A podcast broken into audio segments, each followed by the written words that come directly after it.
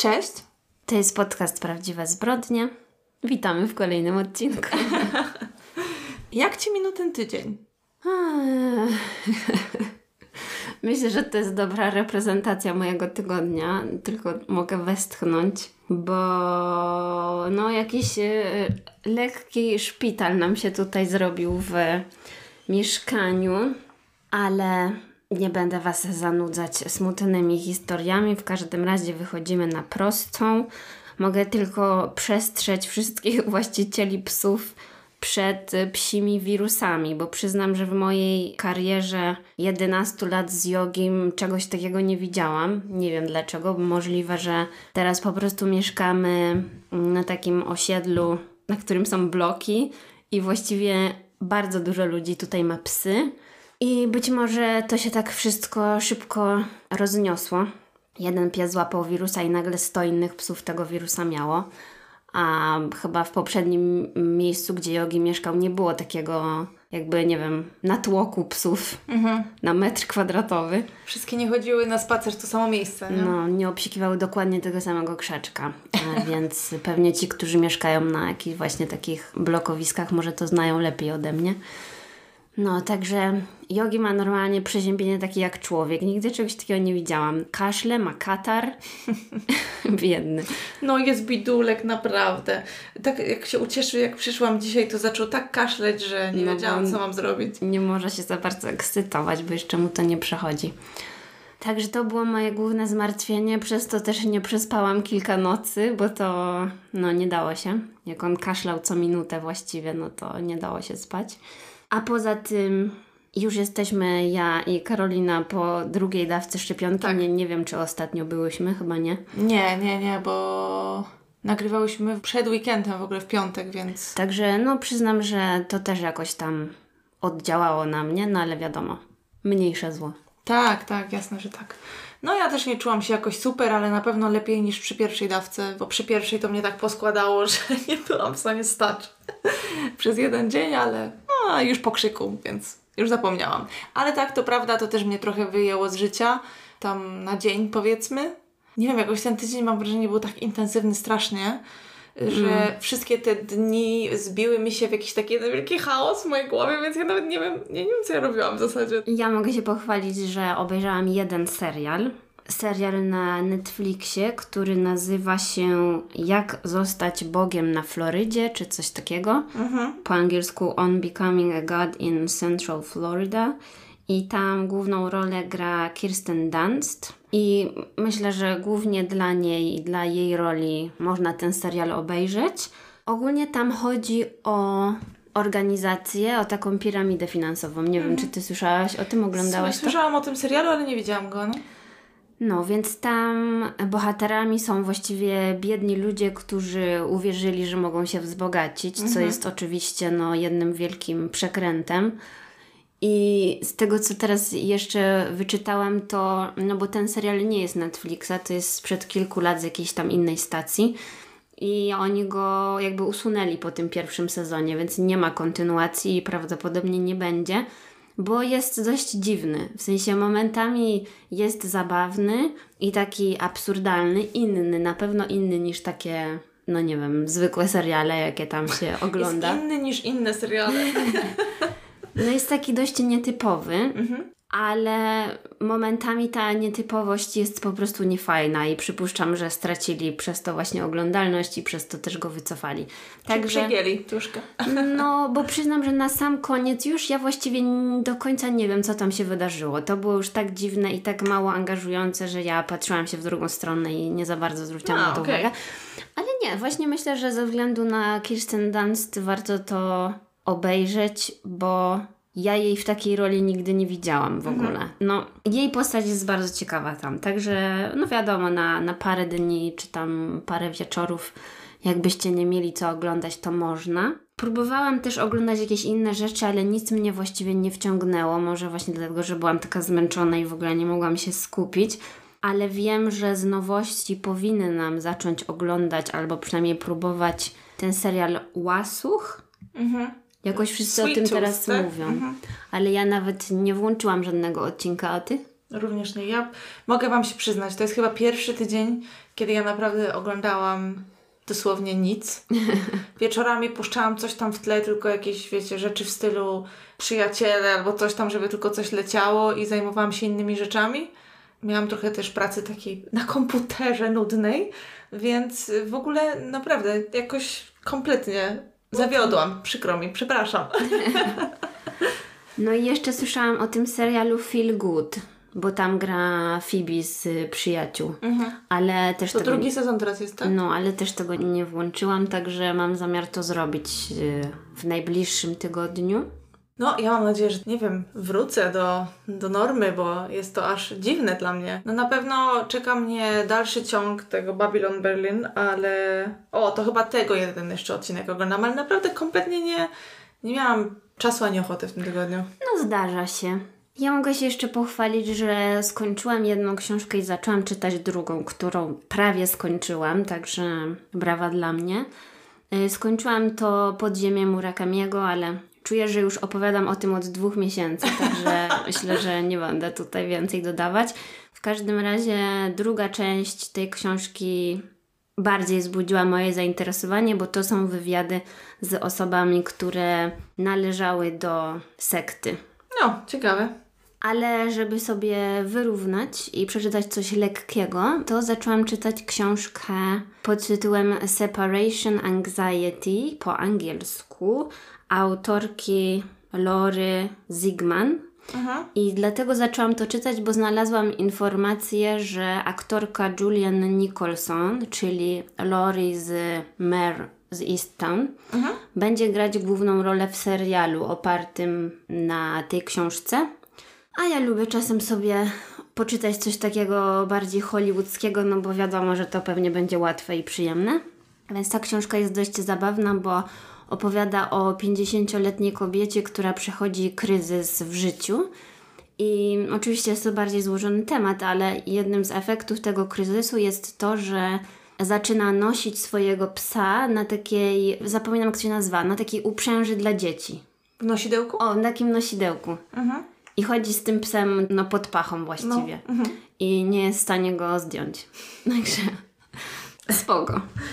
No właśnie, ja teraz na szybce, bo przypomniało mi się, że przecież ja zaczęłam czytać też książkę, natomiast ym, nie żadne tam reportaże, tylko powieść autorki Gail Honeyman. I książka nazywa się Eleanor Oliphant ma się całkiem dobrze. A ja to Jest- czytałam. No właśnie, bo miałam już to na liście od jakiegoś czasu, ale ojejku, ja nie wiem, dopiero to zaczęłam przedwczoraj, więc jeszcze nie, nie Z wypowiem tej się. książki chyba też miał być film, z tego co pamiętam. Ja ją chyba z dwa lata temu czytałam. Ale jesteś na początku. Na początku I nie wiesz, dopiero. co tam się Nie, wydarzy. więc nic mi nie mów. Właściwie ja słyszałam już dużo recenzji po czasie, że jednak dużo osób było rozczarowanych tą książką, także jestem ciekawa, co ty powiesz. Ale ja przyznam, że ja pamiętam dokładnie, jak ją czytałam na wakacjach na Wyspach Kanaryjskich Oho. I przeczytałam ją chyba no, w dwa dni. No tak. No ale wiadomo, leżałam sobie przy basenie i to był dobry klimat, ale mnie no tak dość w sumie mocno poruszyła. I ona jest przetłumaczona na polski, także Tak, i możecie właśnie- sobie wszyscy ją przeczytać. I właśnie ja ją e, zakupiłam po polsku, bo rzadko mi się to zdarza, ale stwierdziłam, że a co? Przeczytam sobie po polsku. Zobaczymy, czy mi się spodoba. No nic. Mm, także dzisiaj widzę, że nasza pogawędka jest dość krótka. Może, może niektórych No. to ucieszy. Tak. I cóż, mamy jeszcze dla Was jedno ogłoszenie. Ach, tak, ogłoszenie. Tak, więc e, w przyszłym tygodniu e, mamy przerwę. Tam, tam, tam. Ale a propos tego chciałam powiedzieć, bo już ostatnio e, chciałam o tym mówić, ale zapomniałam, że w moim ulubionym na świecie podcaście My Favorite Murder ostatnio ogłosiły, że robią sobie przerwę na wakacje. Uła. Rozumiesz? Ja po prostu jak to usłyszałam, to byłam tak wkurzona na nie i myślę sobie, co? Nie pozwalam. Jaka przerwa na wakacje? Co ja będę słuchać przez dwa miesiące? Także wiecie, my tylko robimy przerwę na tydzień. Ale weź, że też zrozum dziewczyny, nie? Nie no, ja wiem, ja wiem, oczywiście. To jest, to by nie mówić, em, czasami przychodzi takie zmęczenie materiału i chwila przerwy jest wtedy potrzebna, wracasz ze zdwojoną siłą, także... Ale akurat one mają, wiadomo, mają już firmę, zespół ludzi i nie mogą sobie pewnie pozwolić na to, żeby wypaść całkiem z obiegu, więc przez cały ten czas ich y, przerwy ich znajomi będą jakby kuratorami nowych odcinków, to znaczy O. będą składać y, stare historie. W sensie wiesz o co chodzi, że jakaś tam osoba wybiera sobie dwie ulubione historie według tej osoby, no i to będzie odcinek A, okej. z ich tam biblioteki odcinków. Mhm. Mhm. No, także jest to sposób, żeby nie wypaść właśnie z tych list top podcastów. Pewnie. Ale jaki to musi być stres, jak już w sumie tyle osiągniesz i jesteś tak wysoko, to pewnie potem właśnie jak chcesz wyjechać, nie wiem, na miesiąc nawet i nie masz kogo zrobić tam swoim następcą, to co, no to nagrywasz na zapas chyba, bo... No, a one nie nagrywają na zapas, także. No ale nieważne. To możemy, myślę, przejść do pierwszej historii. Tak, a ja zamieniam się w słuch. I chciałabym chyba ostrzec wszystkich przed tym, że może ta historia będzie zbyt mocna. Zaraz się okaże dlaczego.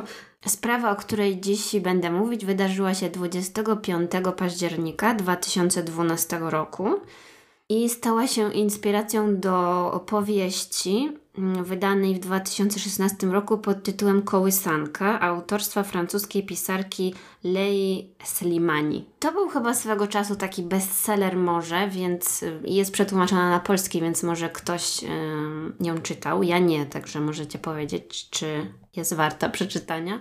I jest to książka o niani, która y, zabiła dzieci, którymi miała się opiekować. No i niestety moja historia, która wydarzyła się naprawdę, też o tym jest. Więc dlatego nie wiem, czy osoby, które na przykład mają dzieci, mają ochotę coś takiego słuchać. Więc jeżeli nie chcecie słuchać, to się nie obrażę, jak wyłączycie dzisiejszy, a przynajmniej możecie przeskoczyć moją historię.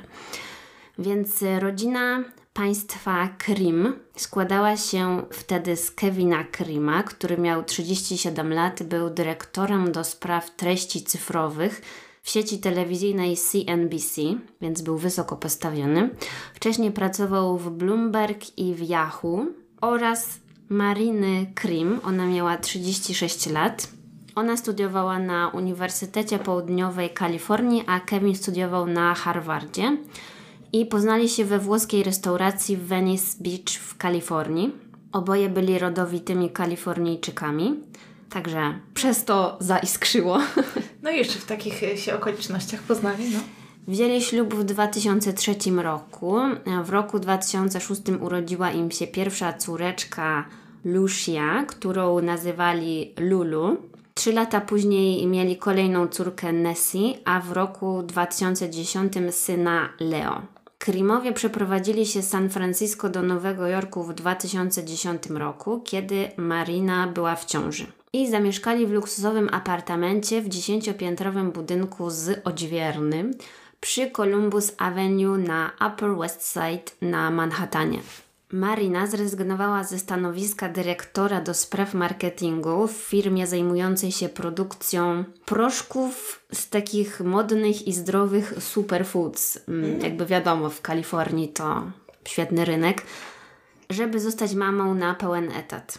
Poza tym prowadziła cotygodniowe zajęcia plastyczne dla dzieci w Muzeum Historii Naturalnej, już po przeprowadzce do Nowego Jorku, i prowadziła rodzinnego bloga, który nazywał się Life with the Little Cream Kids, w którym opisywała ich codzienne życie, taki typowy content mamowy, Mhm. Parentingowy. ta, o, parentingowy, sorry, z którego było widać, że naprawdę uwielbia być mamą tych dzieci, że organizuje im różne wycieczki, zabawy, atrakcje i że cała ta rodzina jest szczęśliwa.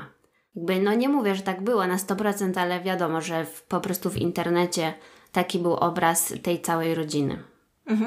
W dniu morderstw 25 października Marina zostawiła Leo, który miał 2 lata, i Lulu, który miał 6 lat, z ich opiekunką, panią Ortega, ponieważ musiała zabrać tą środkową córkę, czyli Nessie, na lekcję pływania. Wszyscy mieli się później spotkać w studiu tańca na lekcji baletu, ale już y, na tym balecie opiekunki z dziećmi nie było. Więc Marina zaczęła się martwić. Wydzwaniała do domu, do tej opiekunki, ale nic, żadnego odzewu. Postanowiła więc pójść do domu. O 17.30 weszła do mieszkania, ale było tam ciemno i cicho. Więc zawróciła do odźwiernego i zapytała, czy widział, żeby opiekunka wychodziła gdzieś z dziećmi.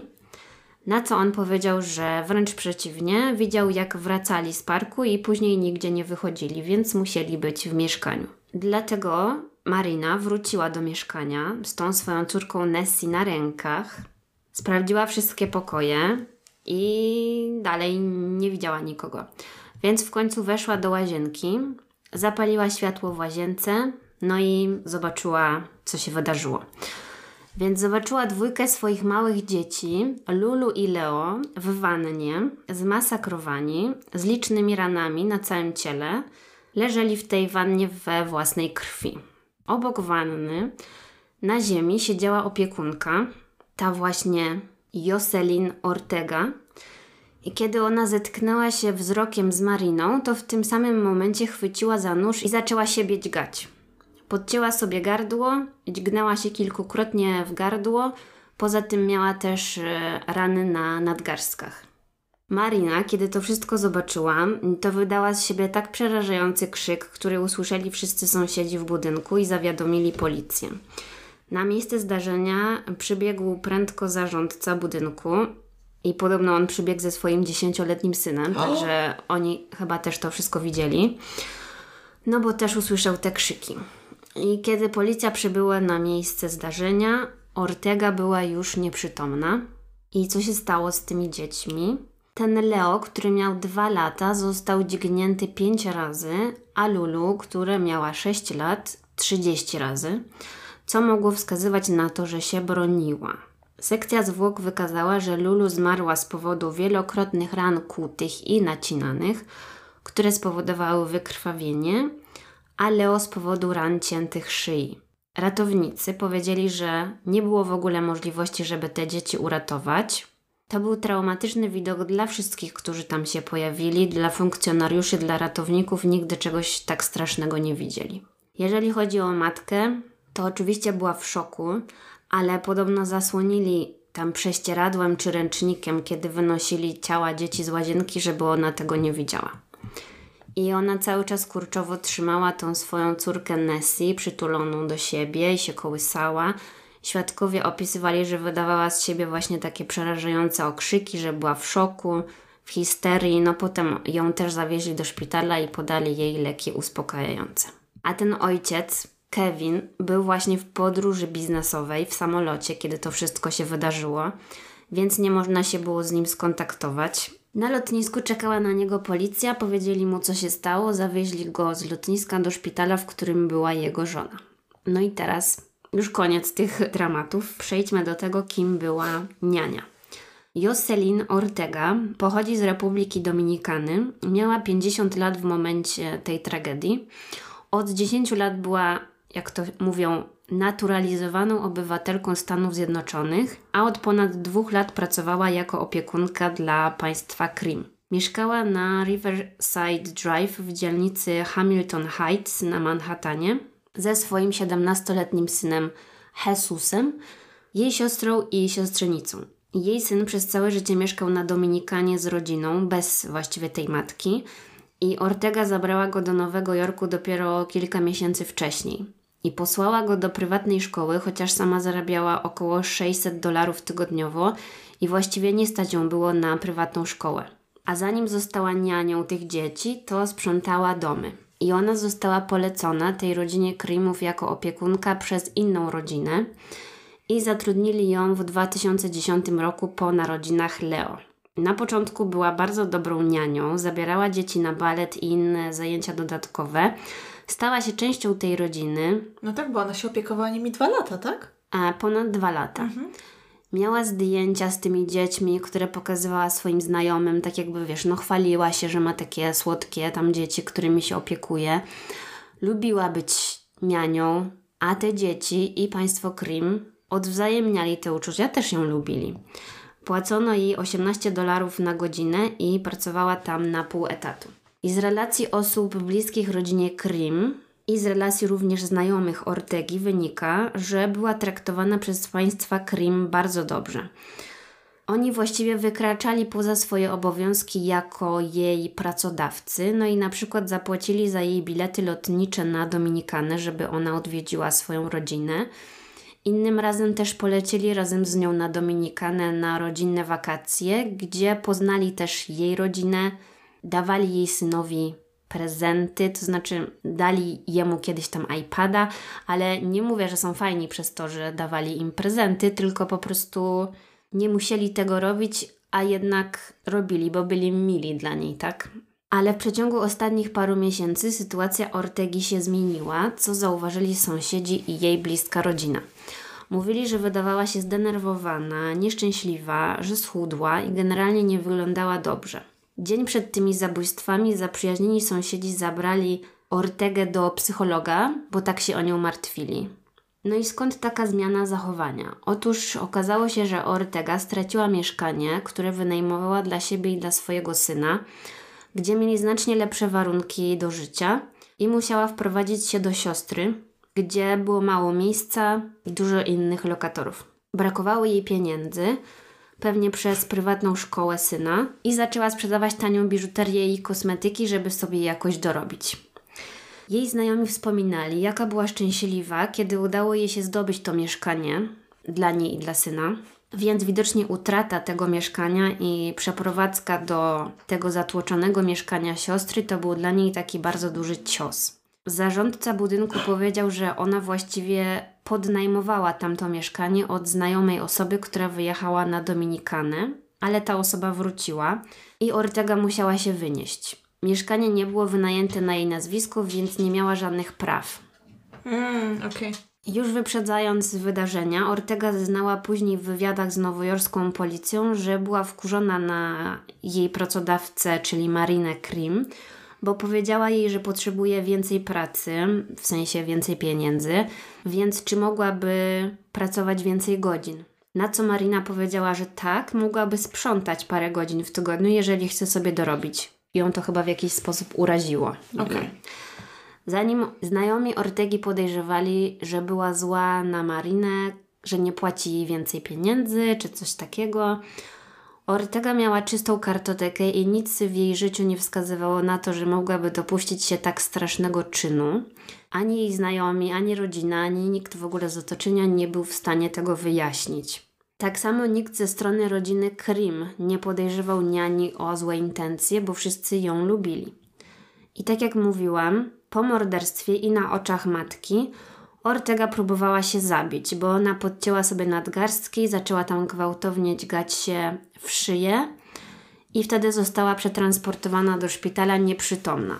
W końcu odzyskała przytomność i stan się ustabilizował, ale była zaintubowana i miała takie no, rany na szyi, że w dalszym ciągu nie mogła mówić. Policja postanowiła nie stawiać jej żadnych zarzutów, dopóki nie będą mogli jej przesłuchać.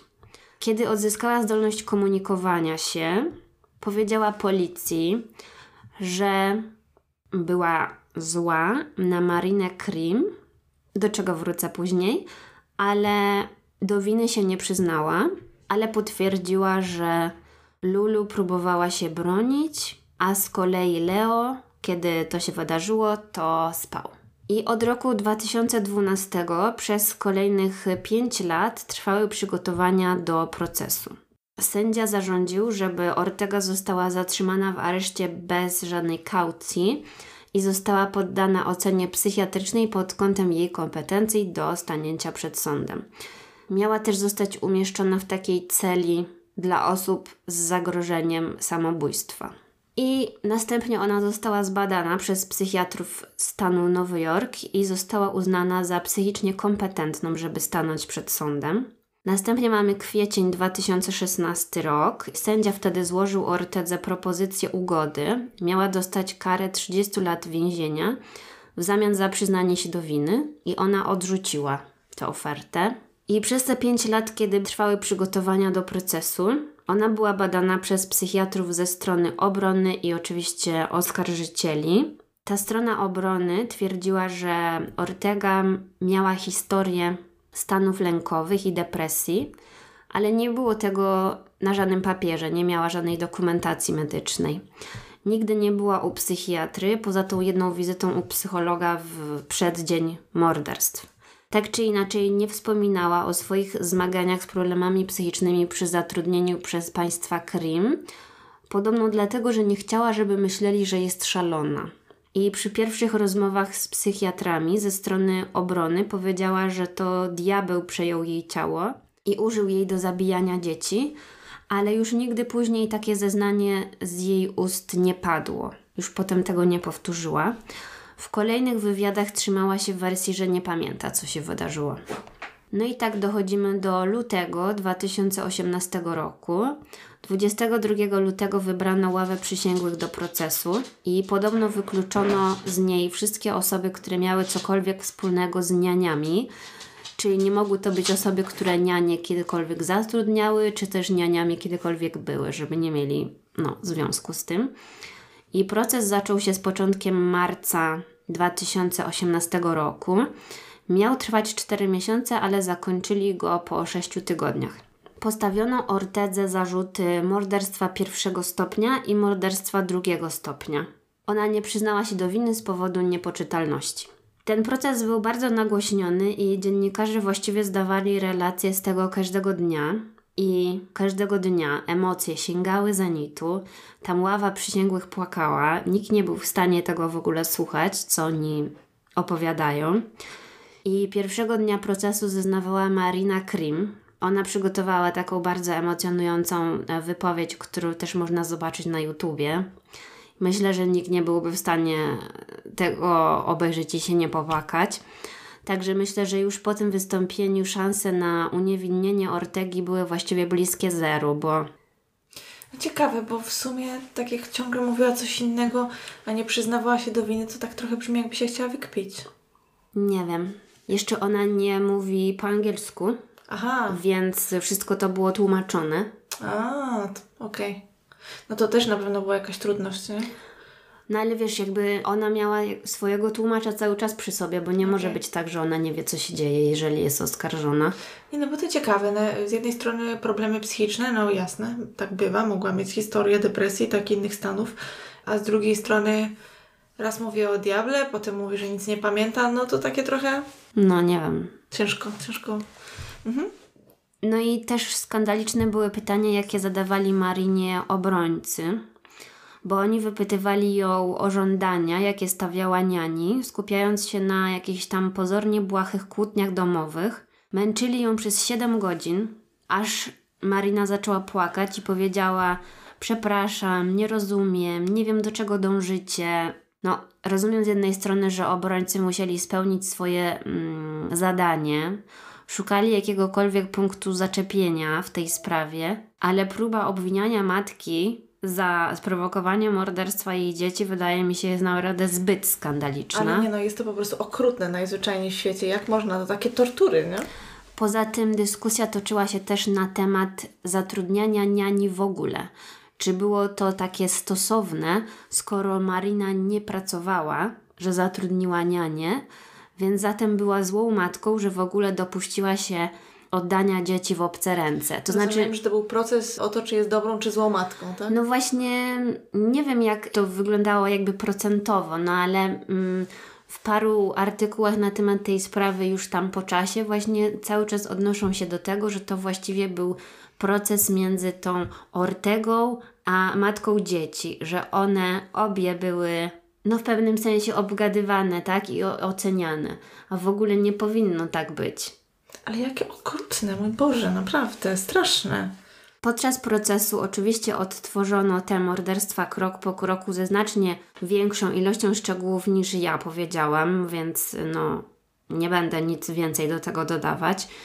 Wysnuto wniosek, że Ortega chciała zobaczyć minę Mariny, zanim popełni samobójstwo, dlatego czekała z podcięciem sobie gardła, aż kobieta ich odnajdzie w łazience.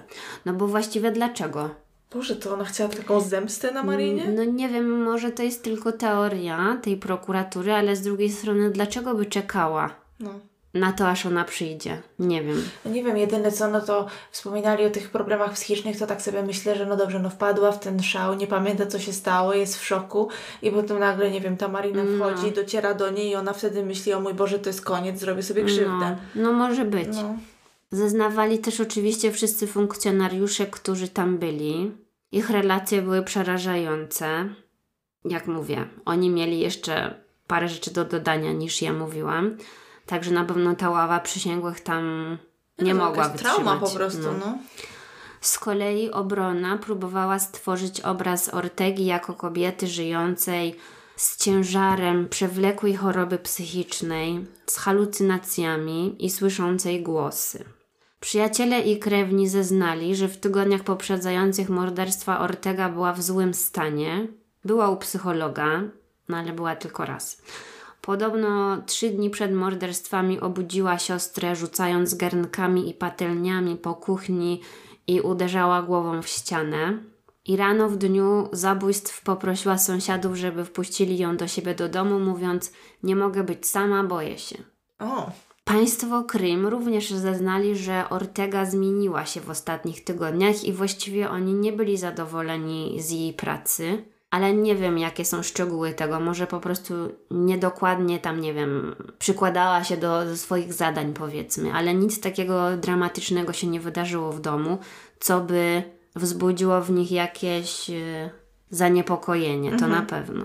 Mówili, że przez te dwa i pół roku, kiedy u nich pracowała, nic nie wskazywało na to, żeby miała jakiekolwiek problemy psychiczne. Prokuratura dlatego twierdziła właśnie, że Ortega była motywowana złością, a nie żadnym szaleństwem i że zaplanowała morderstwa, żeby zemścić się na Marinie, której zazdrościła, że jest taką matką idealną, a ona dla swojego syna taką matką nie potrafi być. I że to był taki element jakiejś zazdrości i złości. W 2012 roku powiedziała policji w trakcie tych pierwszych wywiadów, że skrzywdziła dzieci, ponieważ miała problemy finansowe i była zła na państwa Krim, którzy ciągle zmieniali jej harmonogram, oferowali jej dodatkowe 100 dolarów tygodniowo za sprzątanie.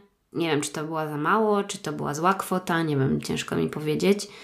Oczywiście w tej tak, sprawie. nie znamy stawek. No. Oczywiście w tej sprawie pojawiały się tematy różnic klasowych i rasowych, no bo Ortega mieszkała w zaniedbanym, przeludnionym budynku w dzielnicy, którą zamieszkiwali głównie imigranci. Dzieliła to małe mieszkanie z trzema jeszcze innymi osobami. Sprzedawała jakieś tam tanie kosmetyki, jak mówiłam. Próbowała wiązać koniec z końcem. A państwo Krim w przeciwieństwie do niej pochodzili właściwie z wyższych sfer, mieszkali w luksusowym apartamentowcu, no i stać ich było na wszystko. No ale z drugiej strony, no nie wiem, dla mnie to są tylko fakty jakby, tak? Nie powinno tak być na świecie, że są takie nierówności, że jeden nie ma co jeść, a drugi może palić pieniędzmi w kominku, wiadomo. Ale czy to nie jest powód do zabijania dzieci w dalszym ciągu? No właśnie. Czy kogokolwiek? Prokuratorzy twierdzili, że nie ma wiarygodnych dowodów, które potwierdzałyby chorobę psychiczną Ortegi. Są za to dowody na to, że Ortega żywiła urazę do Mariny za właśnie bycie tą idealną matką, bo tak jak mówiłam, Ortega zostawiła swojego syna na Dominikanie i tam, żeby wychowywała go jej rodzina. Musiało być jej ciężko. Tak, no i on przyjechał do Stanów, żeby skończyć szkołę średnią. I jej zależało na tym, żeby tą szkołę średnią skończył w tym roku, w którym powinien, dlatego go dała do szkoły prywatnej, bo w publicznej chyba musiałby powtarzać klasę czy coś takiego. No więc kiedy jej syn przyjechał do Stanów, no to ona zaczęła się jeszcze bardziej stresować, bo nie mogła sobie poradzić z płaceniem czesnego w tej prywatnej szkole. No i nie wiem, no nie wiedziała, co ma zrobić, tak? No ale jakby więcej wytłumaczenia w tym po prostu nie widzę, no brakowało jej pieniędzy. Podczas tej wizyty u psychologa, bo psycholog też zeznawał na tym procesie, Ortega tam zwierzyła się z, z wielkiego stresu, z niepokoju, poczucia porażki. Opowiadała o swojej relacji z synem. No i ten psycholog e, stwierdził, że ona po prostu musiała się wygadać, że była osobą pod bardzo dużą presją, potrzebowała wylać swoje żale, ale nie zauważył u niej żadnych jakby tendencji psychotycznych, nic takiego. I był to jedyny kontakt, jaki ona miała z jakimkolwiek specjalistą od zdrowia psychicznego od 30 lat. E, Relacje z tej sprawy mocno skupiają się na matce, Marinie, ale ojciec, Kevin, również miał czas, żeby wypowiedzieć się w sądzie. On poprosił sędziego o karę dożywocia dla Ortegi, żeby nigdy nie mogła wyjść z więzienia żywa. Powiedział, że pozwana nie wie nic o odpowiedzialności ani wyrzutach sumienia i że powinna żyć, gnić i umierać w betonowo-metalowej klatce. Tak powiedział. O matko. Ale dlaczego on uważał, że ona była oszustką? Ponieważ okazało się, że Ortega została polecona rodzinie Krim przez jej siostrę, a nie przez sprawdzone źródło. I że jej siostra była nianią u innej rodziny i spotkała Marinę Krim właśnie na tych lekcjach baletu. I tam jej szepnęła, że wiesz co, moja siostra szuka pracy jako niania, może będziesz zainteresowana, coś takiego. I oni sfabrykowali list rekomendacyjny. Napisała go siostrzenica Ortegi z jakiegoś fake konta mailowego i wysłali to do tej rodziny Krim, podszywając się pod jakąś inną rodzinę, być może czy coś takiego. Więc właściwie wychodzi na to, że ona nie miała doświadczenia jako niania i prawdopodobnie gdyby rodzina o tym wiedziała, to by jej w ogóle nie zatrudnili. No tak, no ludzie robią czasami takie głupoty, ale z drugiej strony, jeżeli próbowała, nie wiem, coś osiągnąć, coś zrobić, chciała jakoś polepszyć swój byt, żeby móc przywieźć syna, no to domyślam się, że wydawało jej się to No po prostu jedyną opcją, tak? No. Tak, po sześciu tygodniach ten emocjonujący proces dobiegł końca. Sędzia skazał Ortegę na najwyższą karę, czyli dożywocie bez możliwości zwolnienia warunkowego za zamordowanie Lucy Krim, która miała lat 6 i brata Leo, który miał 2 latka, gdy byli pod jej opieką 25 października 2012 roku. I zanim została skazana, to Ortega ze łzami w oczach poprosiła o przebaczenie i to był pierwszy raz, kiedy odezwała się w trakcie tego procesu. Powiedziała: Bardzo przepraszam za wszystko, co się wydarzyło po hiszpańsku. Bo oni nie kazali jej mówić, dlatego że w dalszym ciągu jakby to jej gardło nie było sprawne, żeby, żeby mówić. Nie wiem. No, także tak się ta sprawa skończyła, ale no zresztą sami ocenicie, ale po prostu mm, małżeństwo państwa Krim. Nie wiem, jak oni to zrobili, ale po prostu spróbowali cokolwiek pozytywnego z tego wynieść. Nie wiem, jak to jest możliwe, ale od czasu śmierci Lulu i Leo Krimowie wyprowadzili się z tego mieszkania, oczywiście, a ich rodzina powiększyła się o dwoje dzieci Feliksa i Linusa. Założyli również Lulu i Leo Fund, czyli organizację non-profit, która oferuje rodzicom i szkołom program nauczania kreatywności oparty na 10 zasadach kreatywności, które mogą pomóc każdemu się rozwijać, budować odporność we wszystkich aspektach życia, tak piszą na swojej stronie.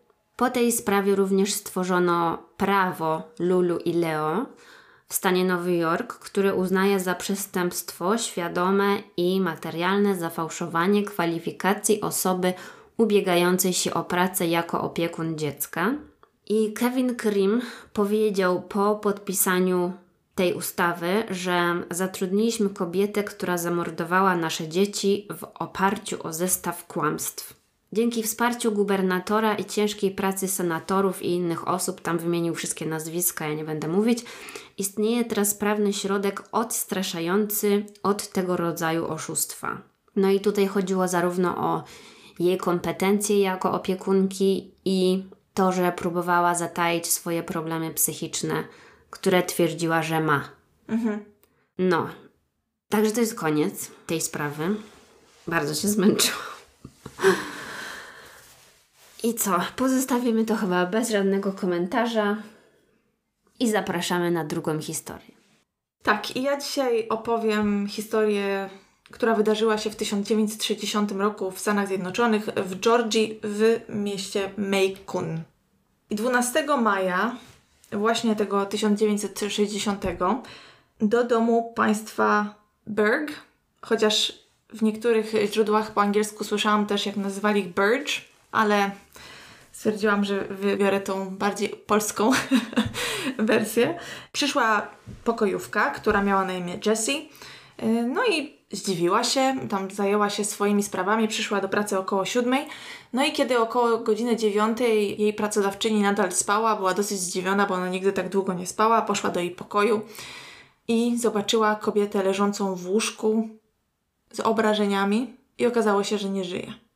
Miała ślady na szyi, na twarzy.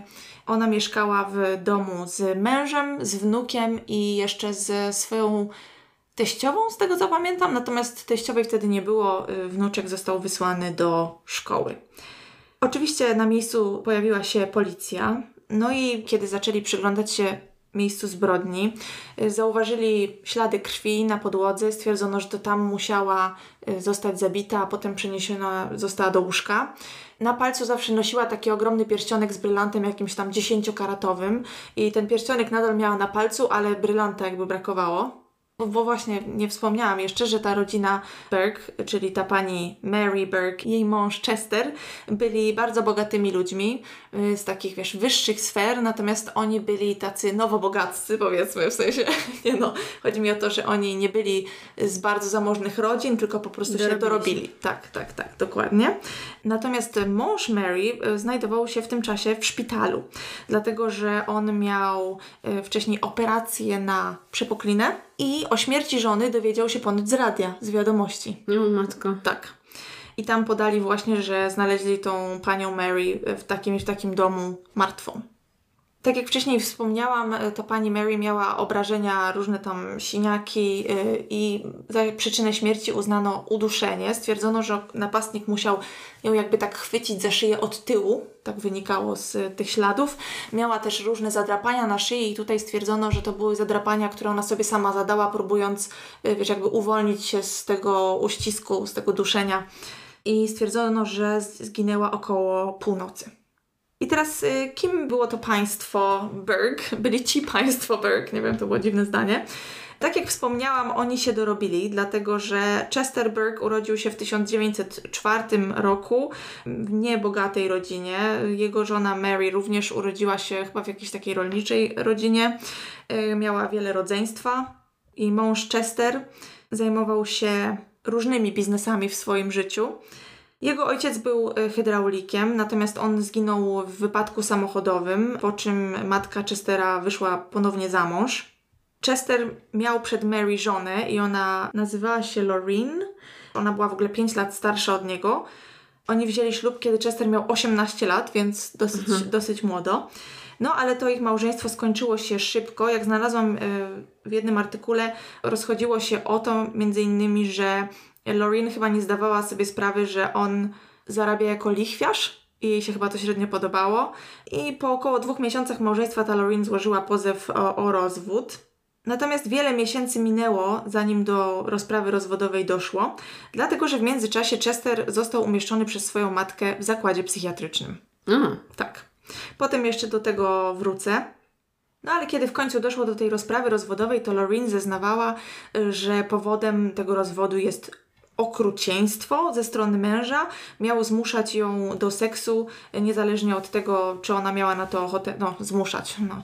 Oczywiście w tamtych czasach gwałt w małżeństwie chyba nie istniał, niestety. No ale udało się, y, rozwiedli się. Ale wkrótce później, bo w 24 Chester wziął ślub ponownie, tym razem właśnie z Mary. Panieńskie nazwisko Mary to było Kennington, jak e, znalazłam właśnie w jednym z artykułów. I ona pochodziła ze wsi w okolicach tego miasta Macon, o, którym wcześniej e, mówiłam, gdzie ta cała sprawa się działa. Mieli dwójkę dzieci, dwóch synów, natomiast ich pierworodny syn umarł, więc zostało im tylko jedno dziecko. Ich syn miał na imię John. Jak wcześniej wspomniałam, Chester prowadził różne interesy, miał na przykład stację benzynową i przy okazji nielegalnie sprzedawał whisky. E, wiadomo, wtedy była prohibicja e, i z tego powodu też e, raz trafił do więzienia swoją drogą. obrotny taki. Dokładnie, tak, nie zawsze niestety zgodnie z prawem. No i kiedy prohibicja się skończyła, no to znalazł sobie nową robotę i zajął się nieruchomościami. No to już wtedy mógł to whisky produkować przecież. No tak, no ale wiesz, wtedy pewnie to już nie było takie opłacalne Mhm. y, i pewnie nie mógł tego robić jakoś tam w garażu. Okej, no tak. tak, no ale zajął się właśnie mm, nieruchomościami, z tego co rozumiem, i wynajmował mieszkania, pokoje lokatorom z takiej najniższej klasy. Nazywali to w niektórych źródłach po prostu takimi slumsami najzwyczajniej w świecie, nie? Sprzedawał też y, domy właśnie różnym ludziom, ale z tego co rozumiem, to głównie robił interesy z ludźmi, których po prostu mógł oszukać y, ze względu na brak edukacji chociażby. No i jak to robił? Robił to tak, że y, formułował umowy w taki sposób, że przy chociażby najdrobniejszym opóźnieniu przy zapłacie raty, czy w jakichkolwiek tam problemach z tym związanych, on po prostu ten dom przyjmował z powrotem. Jakby niezależnie Ojej. od tego, dokładnie, niezależnie od tego, ile ci ludzie już zapłacili za ten dom. Także no chyba nie, no, nie najlepszy człowiek, szczerze mówiąc. Ale dzięki temu bardzo się wzbogacił i był w stanie brylować w towarzystwie, chociaż jak wynikało też z niektórych źródeł, ci ludzie, którzy pochodzili, wiesz, z tych takich bogatych y, rodzin, od dziada, pradziada, tak, no to wiadomo, że im się trzeba było trochę poprzymilać, zanim cię przyjęli do swoich kręgów, prawda? A no, z tego co rozumiem, to Chesterowi i jego żonie Mary bardzo zależało na tym, żeby właśnie w takich y, najwyższych kręgach się obracać, wiesz, ta śmietanka towarzyska, chodzić sobie na imprezki i nie wiem, grać tam w tenisa pewnie w jakichś klubach. I właśnie w jednym z artykułów, które czytałam na ten temat, jest taki bardzo szczegółowy, ja go Wam wrzucę potem w opisie, pojawił się taki motyw, że ponoć Chester nie był taki bez rodowodu. I miał jakieś konotacje z jedną z bogatszych rodzin w tamtych okolicach.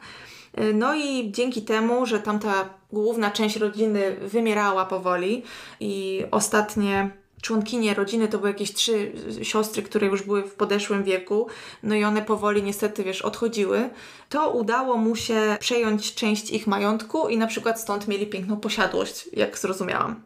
Tutaj chodziło o jakiś testament, który jedna z tych sióstr ostatnio już miała zmienić zaraz przed swoją śmiercią za namową Chestera. Y, Potem oczywiście zostało to zakwestionowane, ale i tak gdzieś tam się dogadali i część majątku trafiła do Bergów. Syn Chestera i Mary poszedł na studia, oczywiście, stał się w ogóle jakimś tam profesorem, z tego co pamiętam. Ożenił się, jego pierwsze małżeństwo też się szybko skończyło, natomiast potem znalazł sobie kolejną żonę i miał z nią dwójkę dzieci, dwóch synów. I jeden z tych synów, czyli wnuczek Chestera, był chory. No i oczywiście syn Chestera przyszedł do niego z prośbą o pomoc i on powiedział, owszem, ja Ci pomogę, bo tam leczenie było jakieś drogie, no ale niech ten wnuczek przyjdzie do mnie i do Twojej matki na wychowanie. Dlatego jakby ten wnuczek mieszkał z nimi. To było dosyć dziwne, szczerze mówiąc. Nie wiem dlaczego y, tak zrobili. Chester był uznawany w tamtych kręgach chyba za takiego trochę dziwaka.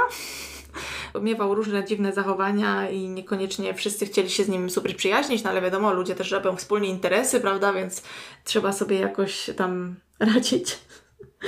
No i tak, wracamy do y, maja 60 roku, kiedy doszło do zamordowania Mary, żony Chestera. Tak jak mówię, Chester dowiaduje się o morderstwie żony będąc w szpitalu. No i ponoć przyjechał w ogóle tam jeszcze w szlafroku. W niektórych źródłach mówili, że go na noszach w ogóle wnosili na to miejsce zbrodni żeby przybiec, wiesz, co się stało, tak, no był w szoku. No i policja oczywiście przy okazji poprosiła go, żeby rozejrzał się po domu, zobaczył, czy coś nie zginęło. No i kiedy przyglądali się temu miejscu zbrodni, Chester zapytał się policji, czy znaleźli portfel, który jego żona miała trzymać pod materacem w sypialni i tam miało być 5 tysięcy dolarów. Teraz to jest pewnie 10 razy tyle, ale właśnie znaleźli ten portfel pod materacem, a ponoć tam był tylko jeden banknot jednodolarowy w środku. Cała reszta pieniędzy zniknęła. Poza tym oczywiście na początku yy, mówiłam, że nie miała tego brylanta w pierścionku. No i też ona miała w sypialni, bo Chester i Mary mieli osobne sypialnie i ona w tej sypialni swojej miała takie drzwi do garderoby, przy których policja stwierdziła, że ktoś kombinował, jakby próbował je otworzyć. No i Chester powiedział, że ona tam trzyma jakieś też kosztowności, wiesz, biżuterię i tak dalej. Yy, Więc stwierdzili, a że w takim wypadku musiał być to motyw rabunkowy, tak? Pieniądze, ktoś próbuje się dobrać do garderoby, no i ten brylant.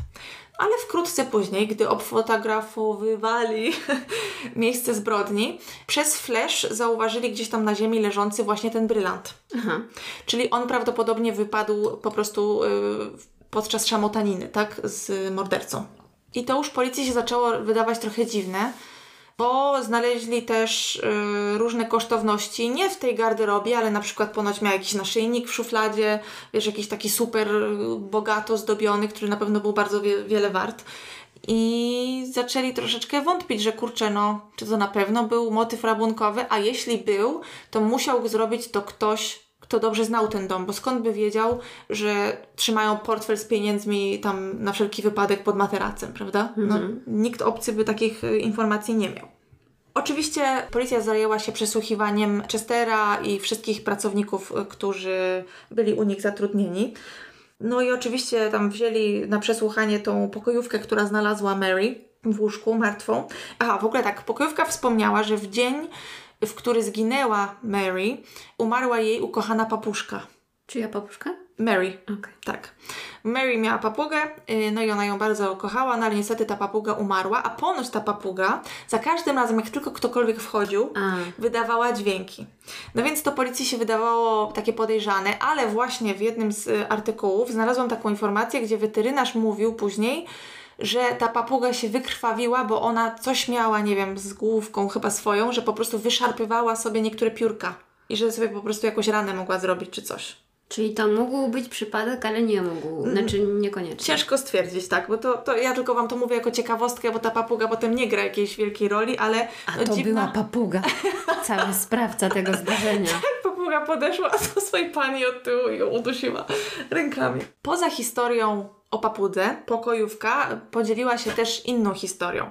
I okazało się, że w domu państwa Bergów doszło do incydentu z Ku Klux Klanem w roli głównej.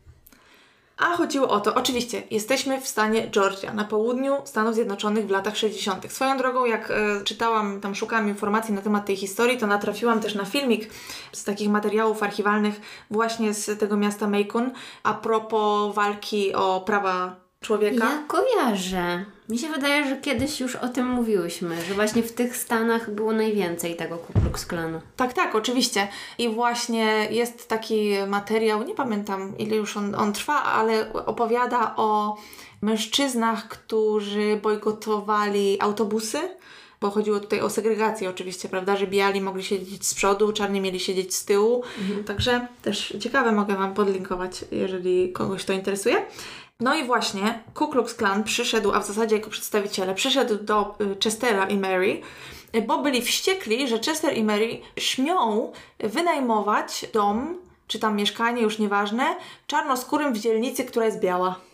Aha, czyli to jest chyba jedyny moment, kiedy ten Chester był spoko. No nie, bo jemu głównie chodziło o pieniądze. I właśnie ponoć e, dogadali się tylko dlatego, że powiedzieli, że dobra, to jak sobie znajdziemy białych najemców, to tamtych wyrzucimy. Okej, bo, co- no bo to nie cofam. chcemy. No cofam właśnie. to, co powiedziałam. Bo nie chcemy, wiesz, tracić y, zysku. Mhm. Dramat po prostu. No ale jak policja się o tym dowiedziała, no to oczywiście udali się do tego przewodniczącego tego oddziału, ale on im powiedział, że oni się dogadali, że on im krzywdy nie zrobił, absolutnie nie ma z tym nic wspólnego. I żeby lepiej się przyjrzeli wszystkim tym ludziom, których Chester i Mary oszukali. Mhm. Chociażby właśnie tym czarnoskórym najemcom, tak? A cóż innego mógłby powiedzieć członek Ku Oczywiście. Klux Klanu? Oczywiście, że tak. No i wiadomo, członkowie Ku Klux Klanu uwierzyli, a tych biednych panów wzięli, zatrzymali właśnie, żeby ich przesłuchiwać, wiadomo.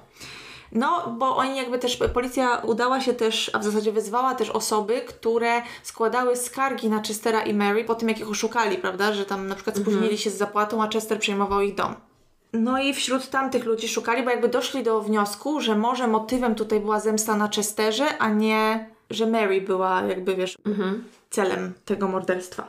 No i jak wcześniej wspominałam, policja uznała, że skoro to nie była zemsta, bo nie mogą żadnych informacji na ten temat y, zebrać, no to trzeba się skupić na tym, że może to była zbrodnia motywowana rabunkiem, wzbogaceniem się, ale musiała zrobić to jakaś osoba z wewnątrz tego domu, bo inaczej nie miałaby tych wszystkich informacji potrzebnych do kradzieży. No więc wzięli y, w obroty znowu na przesłuchanie Jessie i szofera y, Luisa. Oni oczywiście też oboje byli czarnoskórzy. No i gdy tak maglowali tą Jessie i, i szofera Luisa, to oni na początku nie chcieli nic powiedzieć, mm, aha, w ogóle jak wynikało z naszego ulubionego programu A Crime to Remember, tak? Ponoć szofer Louis i pokojówka Jessie mieli romans. No i fajnie. Tak. No nie wiem, czy fajnie, bo tam jak są te takie scenki, wiesz, odgrywane przez aktorów w tych programach, to jest scenka, gdzie Louis mówi, że położył się spać z żoną, a potem wymknął się o północy i poszedł do Jessie. A dobra, to nie mówiłeś, że on miał żonę. No wiem, wiem, myślałam, ale tak. znaleźli po prostu się bratnie dusze, znalazły się w pracy Nie. i, i wielka miłość. Chyba nie. No w każdym razie, przepraszam, bo tu dygresja niepotrzebna. No i też właśnie podczas rozmów z ludźmi, którzy pracowali u Chestera, mm, okazało się, że Chester prowadził w pewnym sensie takie podwójne życie. Dlatego, że miał mieć romans z panem, który nazywał się Fritz Phillips. Uuu, to zmienia postać rzeczy. Oni poznali się przez interesy, dlatego że rodzina Fritza, który był z New Jersey, właśnie z jakiejś tam, wiesz, super starej, bogatej rodziny, yy, no to ta rodzina robiła interesy z Chesterem i w ten sposób oni się poznali. Coś tam też w nieruchomościach, wiesz, działali. No i Fritz i Chester zaczęli spędzać ze sobą dużo czasu i też widziałam e, takie informacje, że no powiedzmy Mary i Chester mieli taki układ, nie? że żyją sobie razem, że nic nie tracą dzięki temu, a tam se Chester może coś tam robić, wiesz, jeżeli będzie dyskretny. Rozumiem. Oczywiście, jak tylko policja dowiedziała się o istnieniu tego Fritza, no to czym prędzej poleciała do New Jersey, to było chyba już 10 dni po morderstwie, żeby wypytać się go o to, no bo był też podejrzanym, prawda, w sprawie, w takim wypadku. No ale on powiedział, że nie, absolutnie nie miał z tym nic wspólnego, że w ogóle to Chester miewał też inne znajomości w przeszłości i że on tam szczegółów nie zna. Dla niego to była fajna znajomość, ale nic takiego super na serio. Chociaż dla Chestera chyba znajomość z Fritzem była na serio, ale to do tego potem jeszcze wrócę. A najlepiej to, żeby zapytali szofera, bo przecież on go wozi wszędzie, to on doskonale zna jego zwyczaje i on powinien policji opowiedzieć wszystko co i jak. No i oczywiście Fritz miał też alibi, które się sprawdziło, tak? Yy, No i oczywiście policja przycisnęła tam tego szofera i okazało się, że yy, no owszem, Chester na przykład pewnego razu chciał zabrać nastolatka z ich miasta na wakacje do Europy. Oj. E, Ten nastolatek tam sobie chyba dorabiał jako mechanik. To było też w programie Crime to Remember, było też w jakimś artykule się pojawiło. No i tutaj ponoć już Mary tupnęła nogą i powiedziała, o stary, takich rzeczy to nie będziesz robić, bo po pierwsze romansujesz z nastolatkiem z naszej społeczności, tak? No i to by na pewno wyszło. Tak, chociaż to chyba nie była jego pierwsza przygoda z y, młodymi, y, wiesz, chłopakami z ich kręgów, ale jak gdzieś w, w jakimś źródle mówili, że on był w liceum, fuj! Mm, a Chester miał już jakieś 60 lat wtedy. No, no tak, 50 parę lat miał, no to naprawdę, mm, co on, wstydu nie miał? No w każdym razie tutaj Mary tupnęła nogą i do wyjazdu nie doszło. No więc policja stwierdziła, hmm, może jednak czas wrócić do Chestera i jemu się bardziej przyjrzeć. No bo z jednej strony miał alibi, był w szpitalu. Pielęgniarki nawet mówiły, że podawały mu jakieś zastrzyki w nocy. Lekarz mówił, że no byłoby mu ciężko wstać, wyjść i wrócić. Jeszcze udusić kogoś w międzyczasie. Ale nikt nie był w stanie jednoznacznie powiedzieć, że jest to niemożliwe. Poza tym policja też ściągnęła odciski palców z tej garderoby, wiesz, z drzwi, z którymi ktoś kombinował. I okazało się, że były to odciski Chestera. No ale kurczę, to było u niego w domu. Czy to było takie dziwne, że na jego szafie są jego odciski? Nie. Ale ponoć szofer zeznał, że on mył w dzień, kiedy, czy dzień po tym, jak Chester poszedł do szpitala, oni sprzątali i te drzwi były myte. A, okej.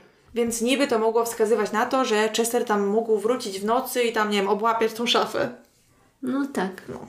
Kolejnym motywem, dla którego Chester mógłby chcieć pozbyć się Mary, było to, że jak wynikało z zeznań kuzynki Chestera, on powiedział jej, kiedy był u niej na Florydzie razem ze swoim kolegą Fritzem, powiedział jej, że zakochał się w, we Fritzu, a ponadto y, Mary miała się dowiedzieć, że on chciał kupić hotel na Florydzie, który docelowo miał prowadzić Fritz i wiesz, i oni mieli razem sobie żyć. No i Mary oczywiście się to nie spodobało. Też tutaj są sprzeczne informacje w niektórych źródłach, ale ponoć doszło do jakichś konsultacji lekarskich, a chodziło tutaj o pomoc w zwalczeniu homoseksualizmu Chestera. Okej. Widziałam jakieś wspominki o terapii, o lobotomii, o jakichś takich dziwnych e, rzeczach. Już się w to powiedzmy nie będę tutaj zagłębiać, bo tak jak mówię, e, na przykład z programu A Crime to Remember wynikało, że to Mary była jakby prowodyrką tej całej sytuacji, a z innego artykułu, z którego też w sumie mam dużo szczegółów do tej sprawy, wynikało, że to Chester sam poszedł na konsultacje w tej sprawie. I że Mary nawet była zła, że on jej nie wziął ze sobą, więc tutaj ciężko mi powiedzieć, co jest prawdą. Oczywiście tutaj do niczego nie doszło, ale też w tym programie Crime to Remember zastanawiają się, czy na przykład ten pobyt psychiatry- w, w zakładzie psychiatrycznym Chestera, o którym mówiłam na samym A, początku racja. historii, na przykład nie był z tym związany, że matka go po to wysłała. A co ciekawe, ważny motyw, dla którego Chester y, mógł chcieć zabić Mary zamiast się na przykład z nią rozwieść, to było to, że nic nie było w jego imieniu nic jakby nie było na niego zapisane, żadna firma, nic. Majątek był, wszystko było na jego żonę, dlatego że Chester był uznany za niekompetentnego do posiadania firm, czy majątku, czy czegokolwiek. Był po prostu uznany za niepoczytalnego. E, I to miało miejsce, y, i to się stało właśnie wtedy, kiedy y, on trafił do zakładu psychiatrycznego, jak był młody. Oj, to bardzo dziwne i zupełnie jakby miesza w całej tej sprawie. Prawda? Sumie, No. no. No właśnie.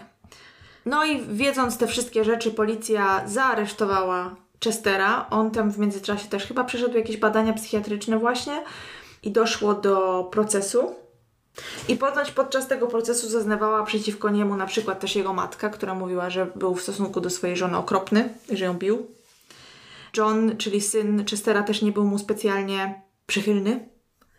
Oczywiście tutaj prokuratura twierdziła, że Chester to zrobił, dlatego że mieli te odciski palców na szafie, a z zeznań pracowników Chestera wynikało, że ta szafa została umyta po tym, jak wyszedł do szpitala. Ale obrońcy Chestera, bo on na nich też ponoć dużo pieniędzy wydał, zrobili coś dziwnego i też to wszędzie podkreślali, że oni w zasadzie stanęli przed ławą przysięgłych i powiedzieli tak: My wiemy, że ten człowiek jest okropny, my wiemy, że on jest tragiczny, że jest w ogóle fuj że wy go nie lubicie, ale to nie o tym dzisiaj będziemy mówić, tylko proces jest e, o tym, czy on zabił swoją żonę, czy nie i czy jesteśmy w stanie to stwierdzić, wiesz, bez cienia wątpliwości. No i niestety tak nie było, no bo przyznajmy, odciski palców na szafie w domu, w którym mieszkasz, no, nie jest to najmocniejszy dowód. Zwłaszcza, że ponoć jedna z pielęgniarek zeznała, że owszem, może i on mógłby się wymknąć, bo jest pewne zamieszanie, jak się zmienia załoga w no, po dyżurze, ale y, że tamtego wieczoru też po godzinach odwiedzin widziała na oddziale jakichś dwóch mężczyzn. Mhm. Więc możliwe, że Chester po prostu nie zrobił tego sam. No, dla mnie to jest y, bardzo mało prawdopodobne, żeby ktoś po operacji był w stanie tak niezauważony wyjść ze No. szpitala, odpiąć się od tych wszystkich tam aparatur. Mhm. Nie wiem, pewnie miał coś, nie wiem, do żył podane, czy no nie wiem, jakoś sobie nie, nie wyobrażam tego. Tak. Jakby miał się dostać jakimś samochodem. No, dokładnie, zwłaszcza, że pamiętali, jakby ci, ci pracownicy szpitala pamiętali, że podawali mu różnego rodzaju zastrzyki też takie, wiesz, które miały go gdzieś tam, nie wiem, rozluźnić, pozwolić mu iść spać, więc no, ciężko pewnie by było, nie? Aha, no i właśnie, nie wspomniałam o tym, że do tego procesu doszło w listopadzie 1960 roku. Oczywiście przez to, że tutaj zbyt wiele dowodów nie było, jeżeli chodzi o, o to morderstwo, no to nie został on za to skazany, został on uniewinniony. Stwierdzono, że niestety nie można stwierdzić, e, czy on to zrobił, czy nie. E, No, ale właśnie też pojawiały się takie głosy, że po prostu może źle sformułowali to oskarżenie, bo mogli go oskarżyć o to, że on zlecił komuś e, zabójstwo No tej tak, żony. ale nie? komu? No tak, no to prawda, to prawda. Pewnie nie mieli żadnych informacji, więc próbowali zrobić cokolwiek. Nie? Co ciekawe, też matka y, Chestera zeznała, że syn poprosił ją, żeby ona y, w tamten dzień pojechała sobie do jakichś znajomych. Dlatego matki nie było wtedy w domu, Mhm. teściowej Mary, nie? No i też pojawiały się zeznania a propos tego, że Mary niestety była bardzo niezadowolona z tego, jak ta sytuacja wyglądała, że jej mąż miał ten romans i, prawda, jakiś tam sobie planował nowe życie. I ponoć nawet potrafił jej mówić, że kocha Fritza bardziej niż ją. Więc w sumie, no, No przykre trochę. tak. Też sugerowali, że Mary raczej by nie odpuściła i nie powiedziała, dobra, to ty bierz sobie pieniądze, tylko po prostu Chester prawdopodobnie zostałby z niczym, najzwyczajniej w świecie. Nie?